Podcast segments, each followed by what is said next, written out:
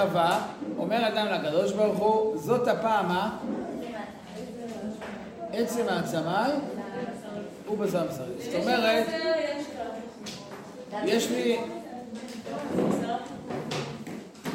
יש לי חיבור אליה גם במהות וגם במה?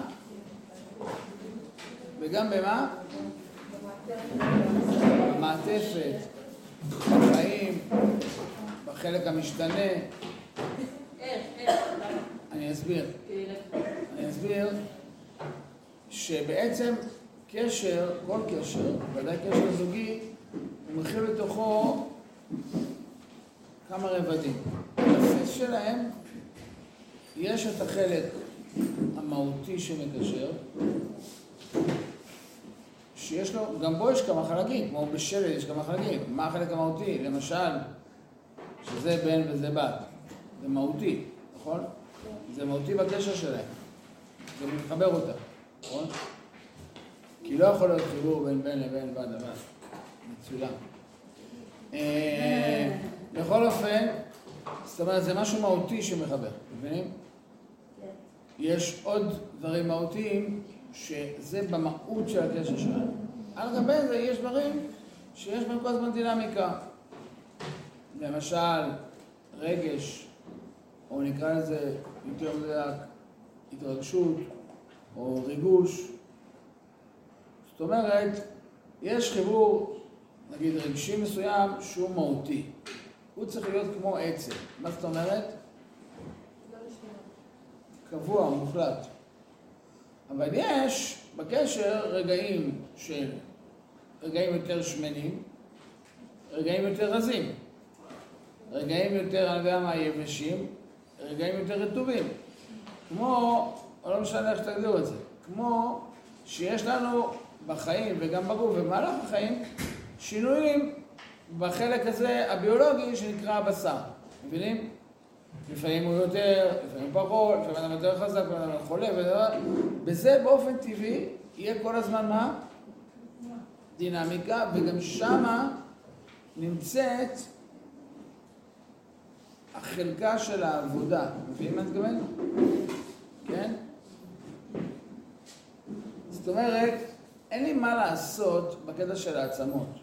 אני לא יכול לשנות את זה. מבינים? זה נקודת המוצא שלי. זה המהות. אבל איפה נמצא כל העבודה שלי? אחרי החיבור המהותי, איפה נמצא כל העבודה? בבשר. מבינים? זה מבשרי חזה אלוקה וכולי וכולי, ליבי הוא בשרי ירננו על כל חי. לא יודע אם שמתם לב, בלב אין עצמות, נכון? למה? מה זה הלב? רגש, חיים. זאת אומרת, עד כמה אני חי את זה, אף אחד מכם לא מרגישה התרגשות בדרך כלל בעצמות, נכון? אולי לפעמים משהו נורא נורא, אבל העצמות עצמם אין בהם, כמו שאמרתי, חיים. זה משהו מהותי ברזל. שלט שם. איפה נמצא הלב מתחיל לדפוק, להתרגש, או הלב דופק יותר חלש וכולי וכולי, זה בדיוק המקום של הבשר. מבינים מה שאני רוצה לומר? שמה זה המקום של העבודה. שמה זה המקום שהקדוש ברוך הוא הניח לי אחרי החיבור המהותי, שהוא, יש בו הרבה מאוד אחוזים, נקרא לזה, של ממנו, מצידו יתברך, כי זה המהות. אחרי זה, בבשר יש לי, אומר אדם הראשון, זאת הפעם גם עצם מעצמי, ומה? אני מרגיש חיבור אליה גם במהות, אבל לא במהות. סליחה על הביטוי הלא מוצלח, אבל גם כיף לי איתה. גם בבשר, גם בלב, גם בדם. בפעימות החיים שלי, החיבור הוא לא רק בא לידי ביטוי בזה שזה, אנחנו עצם אחת, צלע, לא משנה, כן? לוקח, הוא לוקח עצם מהאדם הראשון, וזה מה שמחבר אותם, אלא גם כן, יש לנו שאיפה מאוד משמעותית, שהחיבור יהיה לא רק חיבור מהותי, אלא חיבור מה? חי. מבינים?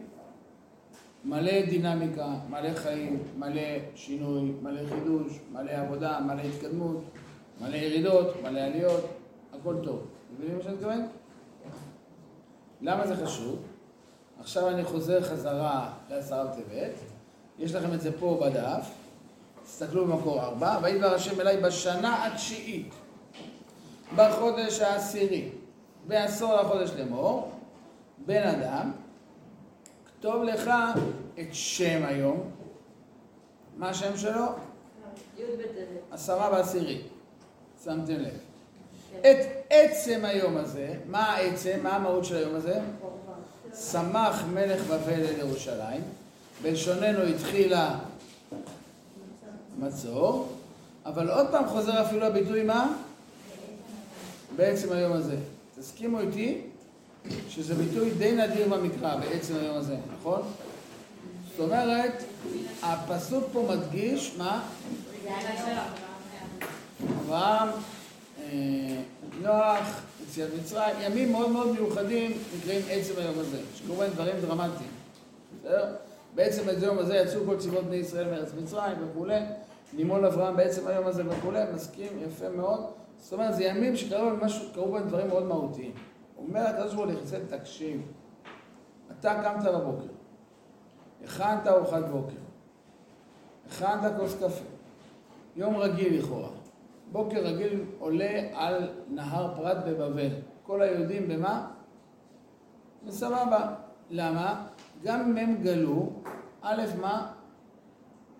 הם כבר התארגנו, חלק כבר קנו בתים, דרך אגב בהוראת ירמיהו, מי שקראת הנבואה המפורסמת, חלק אפילו שתלו גינה, בסדר? לפני כמה שנים היו בארץ ישראל, עכשיו הם כבר בבבל, אבל הם מתארגנים על המצב, בסדר? יש כאלה אפילו שמו טרמפולינה בחצי, כאילו, לאט לאט. יום רגיל. אומר רשום לחזקאל, נראה לכם יום רגיל? ברגע זה, יום נורא דרמטי, נורא מהותי. מה קרה? התחיל המצור על ירושלים. כמו שאתה אלפיים קילומטר מפה, בצד השני של הגלובוס, לא בדיוק, אבל איך? התחיל המצור על ירושלים, תכתוב את זה. קח דף תכתוב, עשירי בעשירי, שנת תשע, ברגע זה התחיל המצור על ירושלים. זה שם היום וזה עצם היום. למה ככה חשוב לכתוב את זה? ולמה זה יום כזה מהותי? זאת אומרת, אני רוצה לשאול, או יותר נכון לקרוא תיגר על עשרה בטבת. מה כזה מהותי בזה שהתחיל המצור? תחילת החורבן, נכון? ואם לא, לא נגמר בחורבן? ההתחלה זה הדבר הכי קשה. אני, דוגרי כאילו, בואו נשים את זה על השולחן. בתשעה באב אתם עצובות? למה? י"ז בתמוז אתם עצובות? למה? נחרבה ירושלים, נכון? י"ז בתמוז נחרבה ירושלים, תשעה באב נחרב במקדש, בסדר? תקראו, זה המדינה, זה השכינה, בסדר. הבנתם? על מה אתם עצובות מחר? איזה דבר נורא זה שהתחיל המצור. זה האירוע שהוביל לכל הדברים האלה. אם זה לא היה נגמר בחורבן, היית עצובה על זה? אפילו על תשעה באב כתוב בעצם היום הזה. על עשרה בטבת כתוב. אם זה היה טכנית, היה... עכשיו אני אספר לכם, אספר לכם סתם עובדה טכנית, לא ידועה, מספר ירמיהו. אתם יודעים שהמצור של נבוכדנצר התחיל, הפסיק באמצע, ונבוכדנצר הלך? ברש. הוא שמע שמלך מצרים יצא למלחמה, הוא נאלץ לעזוב את הכל וללכת להילחם איתו. מה? אחרי שהוא גמר את המלחמה שם, אמר, אה, אתם יודעים מה זה עשיתם חגיגות שהלכתי? וצחקתם על ירמיהו, אמרתם לו, בבקשה, אתה אמרת, יחרב את הקדש, הנה, נבוכדנצר הלך, אני חוזר. חזר, המשיך את המצור, לכן זה לקח שלוש שנים, כי באמצע בכלל לא הלך למלחמה אחרת. חזר, המשיך את המצור עד שהחריב את המקדש. זאת אומרת, זה אפילו לא נגמר בחורבן. זה לא היה שלוש שנים, בסדר? זה היה שנה, הפסקה, שנה, פחות או יותר, לא כתוב מדויק. מה?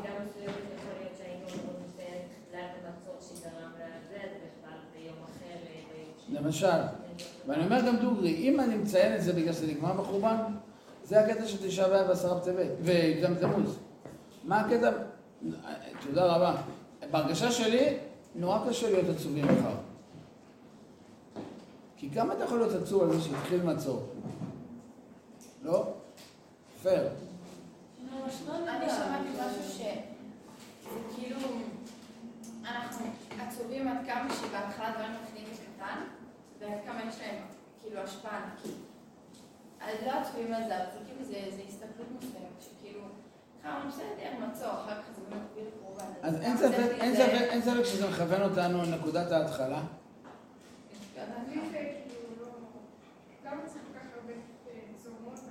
מה הכיף בלצום? אנחנו יהודים, מה? כל חג הולך איתו צום, נכון? ראש השנה, מה יש מיד אחרי זה? צום גדליה, נכון? יום כיפור בכלל כיף, נכון? זה מושלם. מה? חנוכה, עשרה בטבת, נכון? פורים, תענית אסתר. פסח, תענית בכורות, נכון? כאילו זה פק"ל. אה, יש לי משל, יש לי משל לזה. היא אמרה שצריכים תירוצים כדי לצום אצל הילדים. חשבתי היהודים צריכים תירוצים של לאכול, בסדר. אה, שאלה, אז אני אומר, כאילו, מה יש לצום על זה שהתחיל המצור? אבל אתם יודעים מה, אני אגיד אפילו יותר מזה, אמיתי. אתמול היה חנוכה, נכון? מבחינתנו השלב הבא זה פורים? זאת אומרת, אתמול הבן שלי הודיע לאמא שלי שמתחילים לעבוד על ההכתרה. אז כאילו ראיה גמורה מדאורייתא שפורים בפתח. ברוך אתה, אדוני אלוהים המלך העולם שהכל נהיה מדורו. מקווה שאתם עדיין זוכרות את זה, את העבודה על ההכתרה. ושאתם בעצם דור הקורונה. אה, אופן, אז כאילו אנחנו נמצאים באיזשהו תווך שבין חנוכה לפורים, מסכים איתי? כן? סופגניות אוזני המן, שתי המהות שלי. מה הקטע עכשיו לעצור? מי פה במות של חורבן? אמיתי. זה אנחנו לומדות עכשיו, מתכוננים, מה? זה התחלה, אין מה לעשות. זה כמו שלא נדע שאומרים לבן אדם אה, בבית רפואה שגילו לו משהו לא לא תקין בגוף. זה יותר קשה מאשר שהוא צריך לעבור אלף ניתוחים אחרי זה. הכי קשה, זה לא מכה. ככה אני חושבת. לא יודע אם צריך לדרג את זה במדד קושי, כן?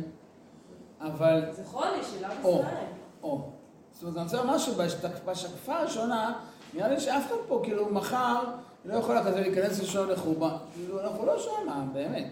אמרתי, אתמול, רק עכשיו נגמר חנוכה, עוד מעט ט"ו בשבט פורים, כי זה לא נכון שאתם מגיעים לאזור שלושת השבועות כבר נכנסים לראש, מסכים איתי? פה אנחנו לא. אז אני רוצה להיות אמיתי, כאילו, מה, מה מחר, איפה אני אמור להתחבר? עכשיו, אני רוצה לחדד את זה עוד יותר, כי מי שמכירה גם את השולחן ערוך וגם את הפיוטים של עשרה בטבת, הם אומרים משהו נוסף, או אפילו כמעט הייתי אומר אחר, או לא פחות מפתיע. תראו, מקור שתיים, ספר התודה, דרגה בסוגריים, מי שלא מכיר אז ספר חובה, מכירות ספר התודה? יהודי בן דורנו, כאילו מהדור הקודם, הקמת המדינה, הרב אליהו קיטוב, חכם גדול, וכתב ספר מופלא, שנקרא ספר תודעה, שהוא בעצם סקירה על כל החגים, כל מהלך השנה. חודש, חודש, כל חודש, מה המהות של החודש והחגים שלו. מופלא, מההלכות, המדרשים, ועד המשמעות הפנימית של כל דבר. בצורה פשוטה. מה הספר עבה? איזה צבע זה תלוי איזה צבע קנית, למרות שזו שאלה חשובה, אבל בכל אופן, ספר התודעה, ספר יסוד, לצערנו יש רק חג אחד שנעדר משם, איזה חג?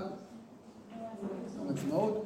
בסוגריים, הוא כתב, הוא כתב פרק על יום עצמאות, רק אחרי זה המשפחה שלו הזהירה אותו שאם הוא יכניס את זה, לא יקנו את הספר שלו, העולם החרדי, והוא היה, כלפי חוץ הוא היה חרדי, אז הוא הוציא את הפרק הזה, אבל אפשר למצוא את הפרק הזה באינטרנט, זה מסתובב. אפשר למצוא את זה באינטרנט, פרק נפלא על יום עצמאות, הוא עצמו היה חג יום עצמאות, אבל בספר הוא הוציא את זה כדי שיקנו את הספר. אז לצערנו, אחד מהחרפות של הדור הזה, זה המצב, אבל זה ספר נפלא, למרות זאת, בעיניי מומלץ, כל מי שרוצה להתכונן לחג או זה, סוף הדרך. בשפה פשוטה ובעומק.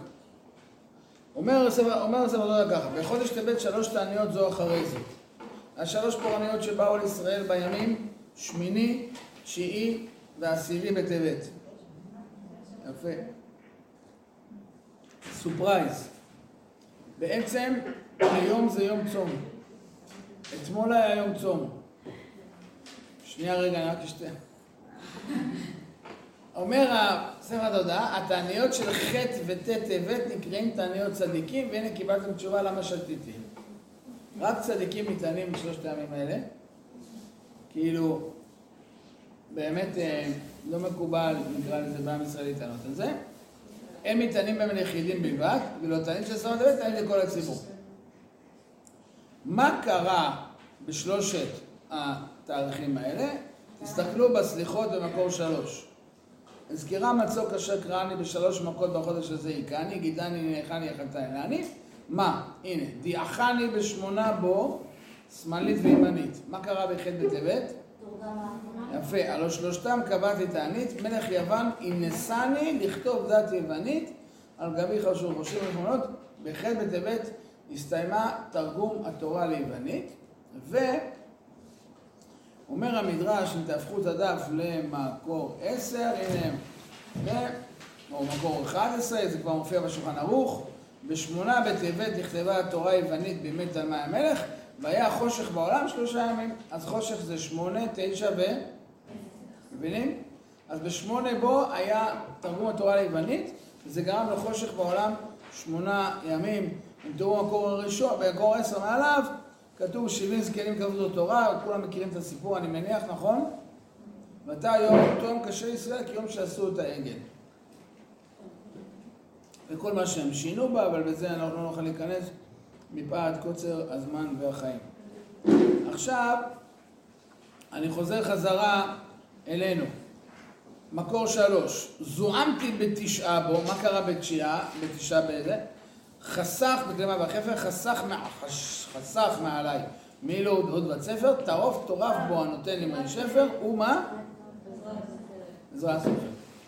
תשעה בטבת נפטר עזרא הסופר. אז ח' בטבת תורגמה תורה לבנית, ט' בטבת עזרא נפטר, י' בטבת הנה יום עשירי ציווה בן בוזי החוזה, מי זה בן בוזי? כתוב לך בספר המחזה, ספר המחזה בספר הנבואה שלך, לזיכרון לעם נמס, ועם זה את עצם היום הזה, כמו שראינו שהשם מצווה אותו לכתוב את עצם היום הזה. עד כאן? כן? כולם איתי? חלק? בסדר, מבינות? אז יש לנו פה רצף שרואים, תרגום התורה, אחרי זה מה?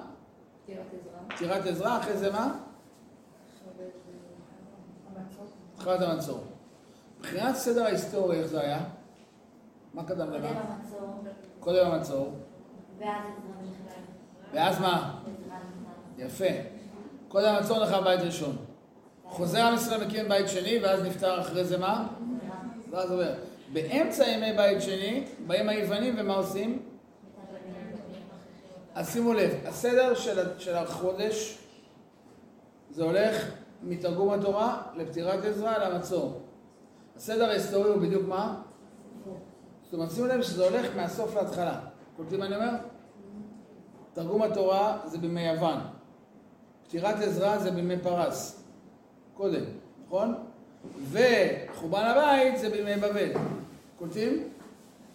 מיוון לפרס לבבל. היסטורית זה הולך הפוך. כולם הבינו? בסדר? נקודה מאוד חשובה. בעוד שבפועל, בחודש זה הפוך. בסדר? עד כאן זה מובן? שזה הולך מהסוף להתחלה. מה המשמעות של ה... באמת של, ה... של הצום הזה? אולי נתחיל מהשאלה הכי פשוטה. מה... למה צריך לצום על פטירת עזרא הסופר? הרי כל כך הרבה צדיקים נפטרו בעם ישראל, אף פעם לא צמים. חוץ מצום גדליה, שזה לא בגלל שגדליה היה צדיק, לא כתוב שהוא היה צדיק, אלא בגלל שגדליה היה בעצם מה? מלך ישראל האחרון. נכון יודעות? כלומר הרמב"ם, כן? שכבתה גחלת ישראל הנשארה. בעצם ברגע שנהרג גדליה, הוא היה מלך ישראל האחרון, ואחריו היהודים האחרונים שנשארו בארץ אחרי החורבן נטשו את הארץ וברחו למצרים. מי שלמדה בתנ"ך את הפרק על, על רצח גדליה. בכל אופן, זה לא צום אישי לגדליה, זה צום על זה שבעצם מצום גדליה ארץ ישראל ננטשה לחלוטין. לא היה יהודי אחד בארץ ישראל במשך 52 שנה. מבינים? משה רבנו נפטר, אנחנו צמים?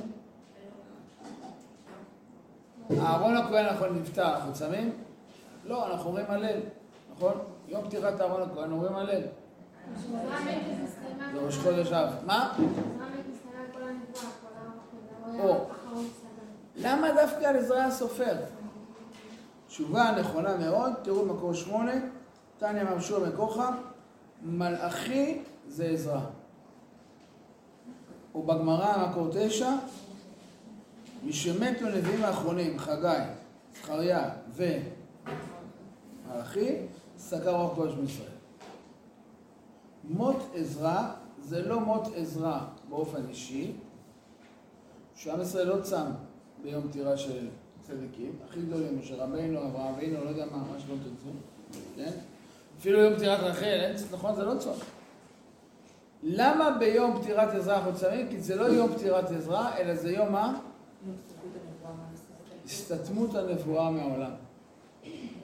או בלשוננו, גלות השכינה. השכינה שירדה לתחתונים, והלכה איתנו. מאז אברהם אבינו מאות שנים, הקדוש ברוך הוא, אני השם השוכן איפה? איתם. הקדוש ברוך הוא הולך איתנו. איפה זה בא לידי ביטוי שהשכינה בתוכנו? כוזרי, כל ספר כוזרי, נכון? בנבואה. הנבואה היא הביטוי הכי טבעי להיותנו מה? בנים של הקדוש ברוך הוא. זה שהשם מדבר איתנו כל הזמן. לא רק אנחנו מדברים איתו, אלא מה? הוא מדבר איתנו. לא רק אנחנו פונים אליו, אלא הוא נוכח בתוכנו. השראת שכינה. אדם נמצא פה, ובתוכו הוא שומע את כל השם אומר לו מה לעשות. השם נמצא בתוכו. זה נקרא שכינה. מה זה גלות? שהשכינה מה? מסתלקת. לאן היא מסתלקת? השמיים. כמו, שנייה אחת, פטירה, לא עלינו. מה קורה בפטירה? הנשמה, השכינה נמצאת בתוך הגוף, תוכנו, בחומר, פה, נכון? כל מה שקורה כשאדם נפטר זה דבר אחד קטן, מה? היא חוזרת לשמיים. הגוף נשאר אותו דבר, נכון? אצבע אחת לא, לא נקטעת. לא קרה פה שום דבר חומרי. מה קרה? פשוט השכינה שהייתה בתוך הגוף נפרדה ועלתה למעלה. זה נקרא גלות, או במילה אחרת מוות. פרידה. לא עלינו, מבינים? זה יוצר את המציאות הכי נוראה בעולם. זאת אומרת, כשעזרא נפטר, בעצם הנבואה נפטרה. חזרה לשמיים, בסוגריים, כמו שאנחנו מאמינים לגבי אדם שנפטר, שהנשמה חיה וקיימת ונמצאת בשמיים, ורק מחכה למה? גאולה. להזדמנות הבאה לרדת לפה, תחילת המתים, מבינים? זאת אומרת, היא שמה באיזשהו מקום כאילו מופקדת תחת כיסא הכבוד, ותחזור. נכון? זה ברור. השכינה תחזור. אותו גם הנבואה תחזור. איך אני יודע את זה? מי אמר לי שהנבואה תחזור? הרבה. מה? הרבה נביאים. נכון, אבל אחד הכי חשוב. לא. עזרא, מתי עזרא אמר לי את זה? מה? עוד ישבו זקנים וזקנות ברחוב. אז זה זכריה, אבל לא נורא. מה? איפה, איפה כתוב שתחזור הנבואה? המילים האחרונות שהנבואה בעולם, קרי, הפסוק האחרון של ספר מלאכי, אמרנו שמלאכי זה אקרא, הנה אנוכי שולח לכם את לפני בוא יום השם, כשמלאכי בעצם עוזב את העולם, עזרא נפטר בט' בטבת, בסוגריים, היום. המילים האחרונות של הנבואה האחרונה בהיסטוריה, קרי, הפסוקים האחרונים של ספר עזרא, נחתמים במילים האלה. הנה אנוכי שולח לכם, או נגיד ככה, נתחיל מההתחלה. זכרו תורת משה עבדי, אשר ציוויתי אותו בחורב חוקים ומשפטים. תזכרו במילים פשוטות מאיפה התחילה הנבואה, מאיפה התחילה הר סיני. משפט הבא, הנה, זה לא נגמר, אני נפטר עכשיו, זה לא נגמר, למה? כי הנה אנוכי שואל לכם את אליהו הנביא, מה? זכור הטוב. לפני בוא יום השם הגדול והנורא. הנה, עכשיו הזכרנו אותו לטוב. לפני בוא יום השם הגדול והנורא. זאת אומרת, עוד לפני אפילו שמה? שיהיה כל תיקון עולם וכל וכל הגאולה השלמה, עוד לפני כן תחזור מה? מי יחזיר אותה? המבשר. אליהו הנביא יחזיר את הנבואה לעם ישראל עוד לפני הגאולה השלמה. בסוגריים אני אומר, לפני בניין המקדש, לפני ביאת המשיח. צריכה לחזור הנבואה. למשל, היה בדורנו הקודם יהודי שחי את זה כל הזמן. איך קראו לו? הרב הנזיר. הרב הנזיר, תלמידו הגדול של הרב קוק, כל חייו חי בצמאון, אבל בצמאון אמיתי, זאת אומרת צמאון של צמא, כאילו, של צמאון למה? לקבל נבואה. כל חייו הוא עשה את כל הפעולות שרשומות בכל הספרים וכו' וכו', כדי לזכות מה? להיות נביא. בגלל זה גם הוא קיבל לעצמו נזירות. חי בקדושה, בפלישות נוראה, ספון בתוך ביתו, כל היום רק לא... לא, תחתן, נזיר חס ושלום, אנחנו לא צריכים. נזיר זה מה? לא שותה יין, לא מסתפר, ומה? ולא נטמע למתים, שאצלו זה לא זה, כי הוא היה כהן. לא כזה משנה, אבל, אבל לא שותה יין ולא מסתפר. רב הנזיר בשקרת התמונה, נכון, עם השיער הארוך, לא שותה יין מסתפר, אבל הרב הנזיר נהג הרבה הנהגות של קדושה נורא נורא מיוחדות. כל חייו חי בקדושה, פרישות, כמעט באמת לא אכל. יושב בתוך ביתו כל היום רק הוגה אה, אה, באמת בקודש ובמקדש, בעניינים עליונים, כל כולו קדושה, הוציא לאור את אורות הקודש של הרב קוק, כמו שאתם יודעים. אה, על כל מיני הנהגות, למשל בין השאר, כל שנה מראש חודש אלול עד מוצאי יום כיפור, הוא היה בתענית דיבור 40 יום. כל שנה. מראש חודש אלול עד מוצאי יום כיפור, 40 יום, כל שנה הוא היה בתענית דיבור, 40 יום רצוף. על מי שאמרתי, אחד מרבותינו שסיפר שהוא התארס, הוא מהר מאוד רצה לה, להביא את ארוסתו לרב הנזיר, כי היה טרף אלול, זאת אומרת, הוא רץ בערב ראש חודש אלול לבוא לרב שהוא הספיק לדבר, להציג את ארוסתו ויוכלו לדבר קצת עם הרב לפני שהוא מתחיל את תענית דיבור, כי אז יודעים, הרבה ימים אפשר לדבר עם הרב. אז הוא רץ אליו, הרבנית אמרה, הוא כבר התחיל את התענית דיבור. הוא אמר לו, לא ראש השבוע, הוא אמר, כן, אבל זה קשה, אז כבר כמה ימים קודם הוא מתחיל כבר כדי להתרגל, כדי שברגע שהוא מקבל את הנדר הוא לא ידבר בכלל. אז כבר שלושה ימים קודם מתחיל את הדיבור כדי שכשזה יתחיל ממש הוא כבר לא... כי לא יוצאים מילה מהפה, זה צריך... זה נורא קשה. אז כאילו... אז הוא היה צריך... אה, סיפור ידוע, הרב הנזיר היה מאורס לאשתו. הוא התארס. ואז הוא יצא לנדודים לחפש לעצמו רב. באירופה. לפני מלחמת העולם הראשונה. נדד ברחבי אירופה לחפש עצמו רב. עד שבסוף פרצה מלחמת העולם הראשונה, לא שהיה, הגיע לרב קוק, שמע לרב קוק, נסע, נסע, נסע, הגיע לרב קוק. כידוע, הוא עומד, הוא ישב שם כל הערב, דיבר עם הרב קוק, התרשם מאוד ממנו, אבל עדיין לא, לא, לא היה בטוח שזה הרב שלו. ספר הרב הנזיר, תראו, תקראו את זה בהקדמה לאורות הקודש, אולי אפילו יש את זה פה, אבל לא משנה. ספר הרב הנזיר, צריך לקרוא את זה פעם, זה מופלא. איך הוא שוכב על מיטתו, לא צריך להרדם כל הלילה מרוב התרגשות, זה הרב שלי, לא הרב שלי, לא צריך להחליט.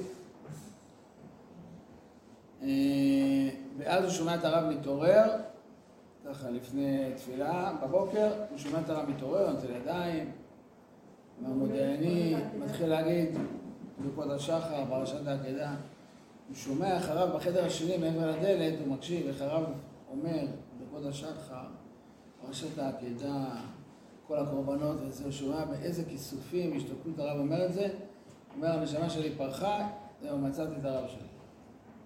אז הוא דבק ברב, הלך אחריו לארץ ישראל, ישב ולמד אצלו פה, וארוסתו שם. פרצה מלחמת העולם הראשונה, בלאגן, נותקו, אתם יודעים, בעולם של פעם. שורה תחתונה, 13 שנה הם מאורסים. סתם, סתם פרופורציות. כל מי שיש לה פה מחשבות. לא, לא, לא מולץ. בכל אופן, הם מתכתבים. דרך אגב, המכתבים מלאים אהבה וגדולה מאוד, פורסמו. היומן של הרב נזיר, המכתבים שלו לאשתו, כל התקופה הזאת. הם מתכתבים כל התקופה הזאת, אבל הם לא נפגשים 13 שנה, אחרי 13 שנה מקבל אישורים וזה, מגיע לארץ. באונייה, זה, חושבים, זה סיפור, זה, מגיע לארץ ישראל, אממה, מתי הגיע? באמצע חודש אלול.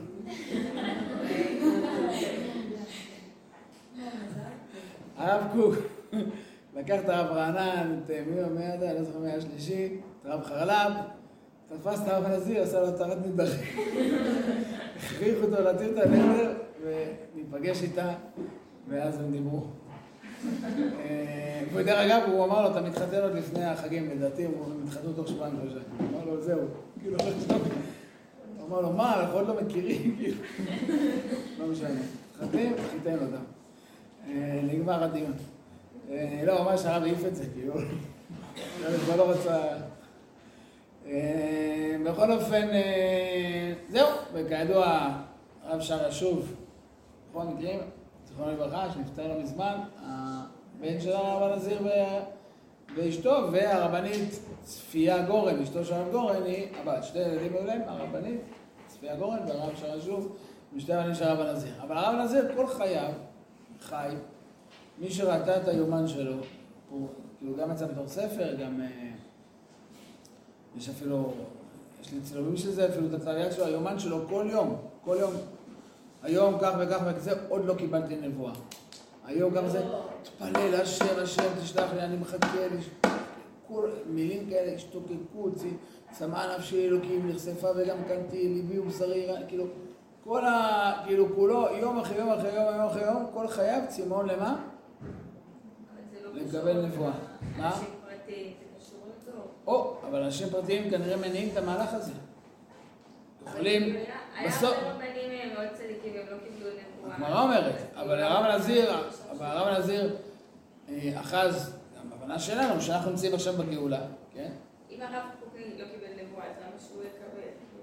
זו שאלה שלא יודע אם אנחנו צריכים אה, להיכנס אבל בעצם הרב הנזיר אומר, אם עכשיו הגאולה, יכול להיות שהרב קוק נפטר ועדיין לא הגיע הזמן, אנחנו ממשיכים להשתוקק, להתפלל ולפעול, ואנחנו נביא את זה. כמו שאנחנו פועלים את הגאולה בידיים שאנחנו מיישבים את ארץ ישראל ועולים לארץ וכולי, זה מצווה שלנו, ככה יש לנו מצווה לקדם את הגאולה, גם בצד הרוחני.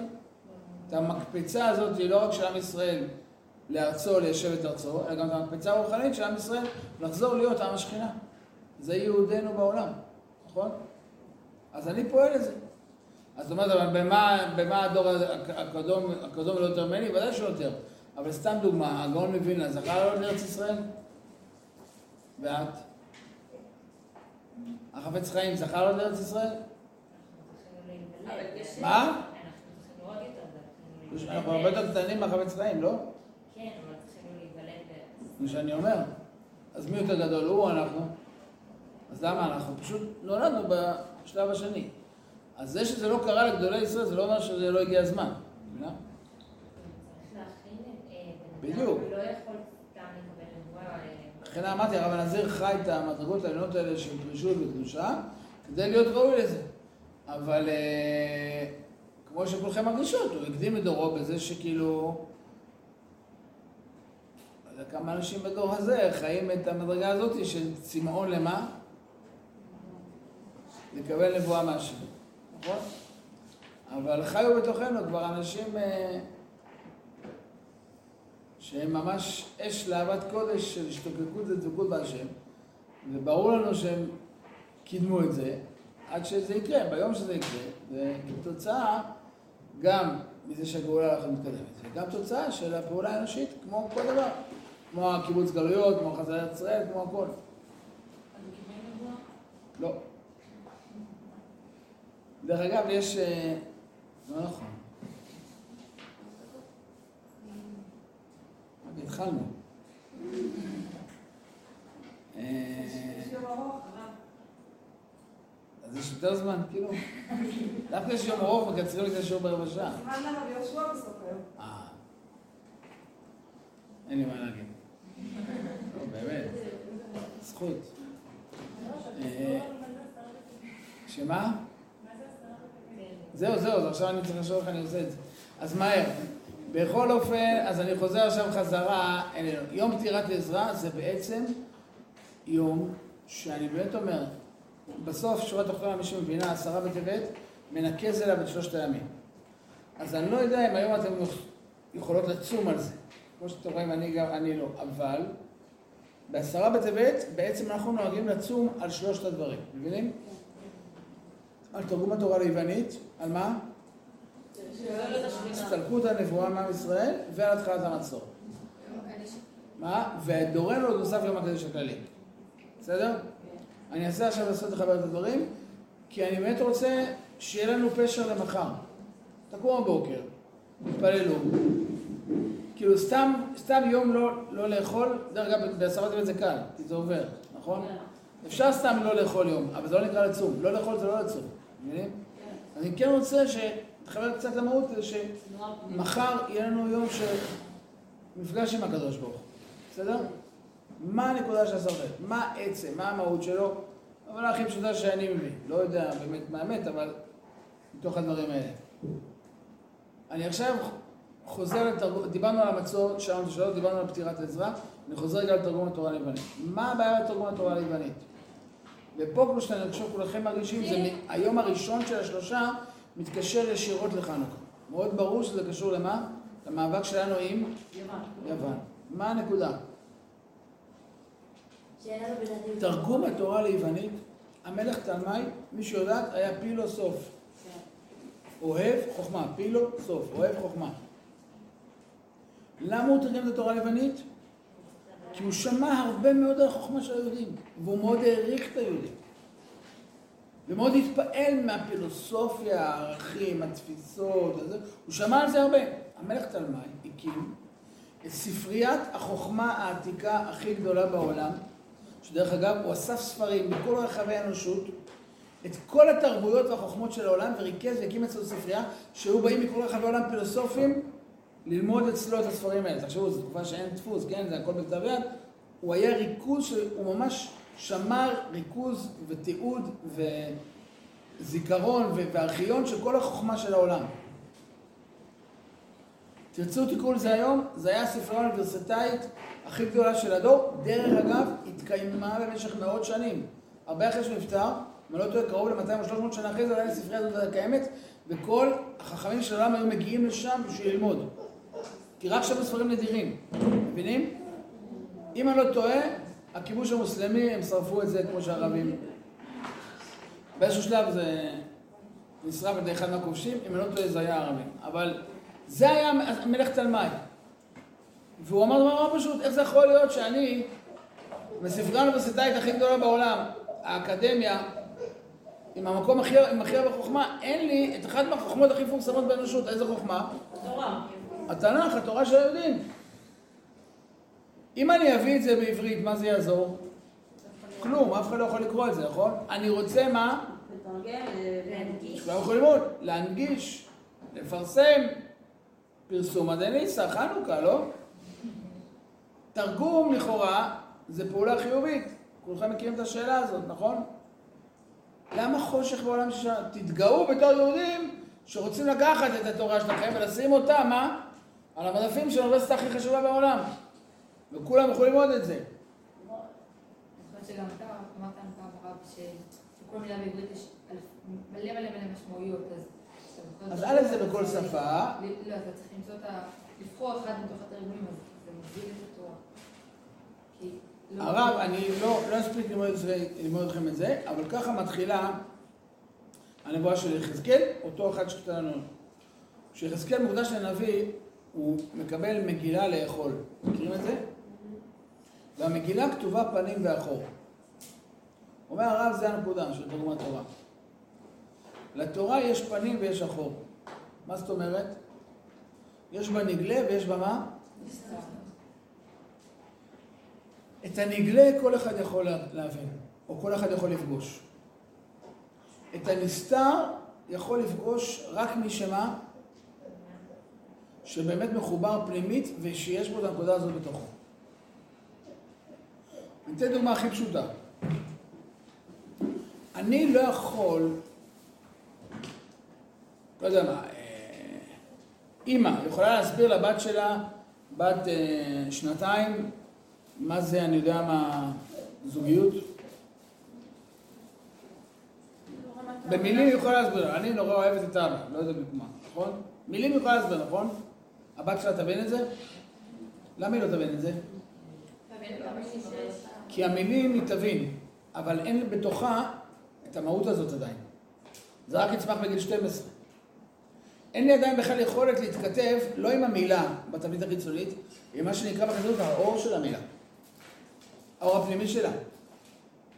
הנקודה שבה אומרים לי משהו, ואני אומרת לחברה שלי, אני מרגישה מה שאת מרגישה. את מספרת לי משהו, או את מספרת למישהי ואת מרגישה שהיא מבינה אותך. לא עלינו, למשל. אפשר לפעמים לראות בשתי הצדים, גם באבלות גדולה, גם בשמחה גדולה. שיכולים לבוא כל מיני אנשים ומדברים עם אדם, נגיד, שחווה, חס ושלום, או אבלות גדולה או שמחה גדולה, נכון? להבדיל. והוא מרגיש שאף אחד לא מבין אותו. עד שמה קורה, נכנס לחדר מישהו שמה? ואז הוא מדבר את אותם מילים, אבל הוא מבין אותו. כי יש מה? חיבור של מה? לא רק של המילים, של המהות. של העצם. איפה נמצאות העצמות? אני יכול לראות את הבשר של כולם. מבינים? את הבשר כולנו נפגשים. את החוץ, את המעטפת, את המשתנה. את הדינמי הזה. שהוא לא מהותי. הוא בא, הולך, הוא מתכווץ, הוא זה, הוא מזדקן, הוא, הוא צעיר, הוא... יש בו כל הזמן שינויים. אפשר, מה, לאפר אותו, אפשר לשנות אותו, אפשר לצבוע אותו, לא יודע בדיוק מה, מבינים? שם יש הרבה משחק. מה אי אפשר לשנות? את העצמות אי אפשר לאפר, וגם אף אחד לא פוגש אותן. אף אחד לא אומר, אני יודע מה, שש, איזה עצמות יש לה. או לא בדיוק משהו כזה נכון. למה? זה הנקודה, מה? המהותית, שהמילים הן קטנות עליה. ולא נפגשים עם זה במילים, אלא דרך המילים. והמפגש הוא מה? של מהות במהות. זאת הפעם, שימו לב, אומר אדם, לא בשר מבשרי, אומר, זאת הפעם מה? עצם מעצמי, ולכן גם כן מה? קודם כל יש לנו חיבור מהותי. אם יש לנו חיבור מהותי, אנחנו גם יכולים לחבר את הבשר, ואת החוויות, ואת הרגשות, ואת הכיף ביחד, ואת המחשבות, ואת השאיפות, ואת החלומות. נחבר גם את כל הבשר. אבל זה מתחיל מזה שיש לנו חיבור במהות. בשביל מה באנו לעולם? איזה בית אנחנו רוצים להקים? מה הרצונות הפנימיים שלנו? מה השאיפות שלנו מעצמנו? מה מחיה אותנו בבוקר? הדברים הכי מהותיים. כשיש חיבור בזה, אפשר אחרי זה לחבר גם אחרי זה את כל השמחה והכיף והאושר של העולם. כל הבשר. אבל זה מתחיל אם יש חיבור של מה? של מהות במהות. ואם אין חיבור של מהות במהות, כמה שנחבר בשר בבשר, והעולם היום כולו הפך להיות בשר אחד גדול, כמו אטליז. הכל חתיכות בשר, אף אחד אין מהות. כולם הפכו להיות חתיכות בשר תלויות על, על אה, כמו אצל הערבים בחוואר, תלויות על ה... נכון, מכירות? או מי שיודע, את שוק הקצבים בעיר העתיקה, זה החוויה שלי, כאילו, כל אחד איפה שהוא גדל. אבל לראות את החתיכות בשר תלויות, כאילו כל העולם הפך להיות אטליז אחד גדול, כל אחד תולה את החתיכת בשר שלו ומנסה להתגאות בבשר. זאת אומרת, הכל חיצוני. אומר אדם ראשון, זאת הפעם עצם מעצמי, ממילא בשר מבשרי. לזאת תיקרא אישה כאישיות, האש. זוכרים כולם, נכון? יהודי, נכון? איש לוקח את האישיות, האש, האנרגיה הפנימית, הנשמה. זה מה שמחבר. אחרי זה בא כל החלק השני. אני רוצה לומר דבר נורא חריף. מי שהבין עשרה בטבת זה העצם. תשעה באב וי"ז בתמוז זה מה? זה הבשר. מה יותר חשוב? אנחנו יודעים להתאבל על בשר כי זה חיצוני וכולנו רואים וואו, הולך בית המקדש, סרטים של בית המקדש עולה באש, אנחנו מתפעלים מהפירוטכניקה והזיקוקים. כי אנחנו חיצונים. אומרת לנו התורה, תצאו בשר בטבת. כתוב לך את שם היום הזה, את עצם. מה קשור ליחזקאל? אתה נביא. מה זה נביא? אדם שלך את השכינה, את הפנימיות, לא את החיצוניות. תחיה, אתה אדם של עצם, אתה נביא, אתה אדם של פנימיות, של נשמה, של שכינה, של דבר השם, לא של הבשר. תכתוב את שם היום הזה, עצם היום הזה. ברגע זה התחיל המצור. האמת אומרת משהו ליחזקאל, ברגע שהתחיל המצור, הכל נגמר. למה? כי המצור התחיל והם לא עשו תשובה. ביום הזה, ברגע שהתחיל המצור, עם ישראל לא עשה תשובה, נגמר הסיפור. בעצם ביום הזה נחרב בית המקדש. אני מזכיר לכם את המשפט המפורסם שאומר טיטוס, סליחה, שאומר, יוצא בת קול אומרת לטיטוס. בת קול אומרת לו, טיטוס, אין לך מה להתגאות, למה? בית שרוף, שרפת. מכירות? מי שהבנתם, מה שאמרתי עכשיו, בית שרוף זה עשרה בטבת. שרפת את זה תשעה באב. מה זה בית שרוף שרפת? הוא, לא, הוא שרף את זה בתשעה באב, בית המקדש, נכון? אתה לא קולט, זה כבר יש שלוש שנים זה כבר שרוף. כי השכינה הסתלקה. הגוף נשאר, אבל השכינה הסתלקה. זה כמו חס ושלום, אני יודע מה, כמו שאתה רואה, נפטר. איך הוא נראה לך עכשיו? עוד כמה שעות חס ושלום יתחילו תהליכים ששינויים גם בבשר. אבל כרגע איך הוא נראה לך? בדיוק כמו לקודם. אתה רואה את הנשמה שלך? לא. בעשרה בטבת הנשמה הסתלקה. בתשעה באב שפך חמתו על עצים ואבנים. יש לזה המון משמעות, אנחנו לא מזלזלים בזה. אבל מי שיודעת להלכה, יש הלכה מפחידה. מפחידה. כך כתוב בהלכה. שאם, יפה, אם עשרה בטבת חל בשבת, הוא דוחה שבת וצמים בשבת. אלא מה? כשקבעו את הלוח השנה, סידרו מראש שעשרה בטבת לא יחול בשבת. אבל בזמן שלוח השנה היה נקבע על פי מה? הראייה, עשרה בטבת יכל ליפול בשבת, ואז הוא דוחה. למה? כי כתוב בעצם היום הזה. אז הוא דוחה את שבת כמו, יש עוד צום אחד שכתוב עליו בעצם היום הזה, והוא דוחה. יום כיפור. דרך אגב, שניהם בעשירי. לא במקרה. כי העשר מבטא את המהות. והיה עשירי יהיה קודש. כל דבר שבקדושה, מה הוא צריך? עשרה, קדיש, קדושה, הכל. זה הקודש. נקודת העשר, אין לי זמן בכלל לשאלות, אני מצטער. אז אני רוצה להגיד שכן. רגע, אני אומר עוד פעם, אני אסביר. במובן המהותי, בעצם זה הצום הכי מהותי. כמו שאמרתי, אם אנחנו נדע לצום היום על המהות, לא על החורבן של בית המקדש, שזה ודאי דרמטי ואין שאלות, אבל מה המהות? המהות זה שביום הזה בעצם הסתלקה השכינה. אומר יחזקאל, זהו, אתם לא קולטים, אני רושם את זה כי הכ- הכל קרה היום. עד שלא ייקח שלוש שנים, אבל זה כבר בית שרוף שרפת, מבינים? ברגע זה הכל נגמר. למה? כי הנשמה עכשיו הסתלקה. זה הסתלקות הנבואה, כי הסתלקות הנבואה זה מה? הסתלקות הנשמה. אני מסיים תוך שתי דקות. כן, כן, כן, ממש. בסדר, ממש מסיים. מי שמבינה, זה הסיפור של תרגום התורה ליוונית. כי למה אפשר לתרגם את התורה ליוונית? כי אם אתה מסתכל על התורה בלי להסתכל על הנשמה שלה, כמו שאומר הרב על הפנים, פנים ואחור, שהתורה כתובה פנים ואחור, תסתכל על התורה רק בתור חוכמה, חוכמה בגויים מה? אל תאמין. ההפך, תאמין. תורה בגויים אל תאמין. אין לתור גויים שכינה, יש להם מגע רק עם החוכמה. פרופסור גוי יכול ללמד תורה, הוא מבין את המילים, אבל הוא לא פוגש את הקדוש ברוך הוא. כי לנו יש נשמה שהיא עצמה התורה, ישראל בורא את אחד הוא. אנחנו פנימיות, העצם שלנו והעצם של התורה זה אותו דבר. המהות של המהות של אותו דבר. כשאני לומד את התורה, את מי אני לומד? את עצמי. זה כמו זוגיות. אני נפגש עם עצם מעצמי. הוא נפגש רק עם הבשר, רק עם החיצוניות. וככה זה נראה. ממילא הרב ציון תמיד אומר, אין פלא שזה מוליד ביקורת המקרא. מה זה ביקורת המקרא?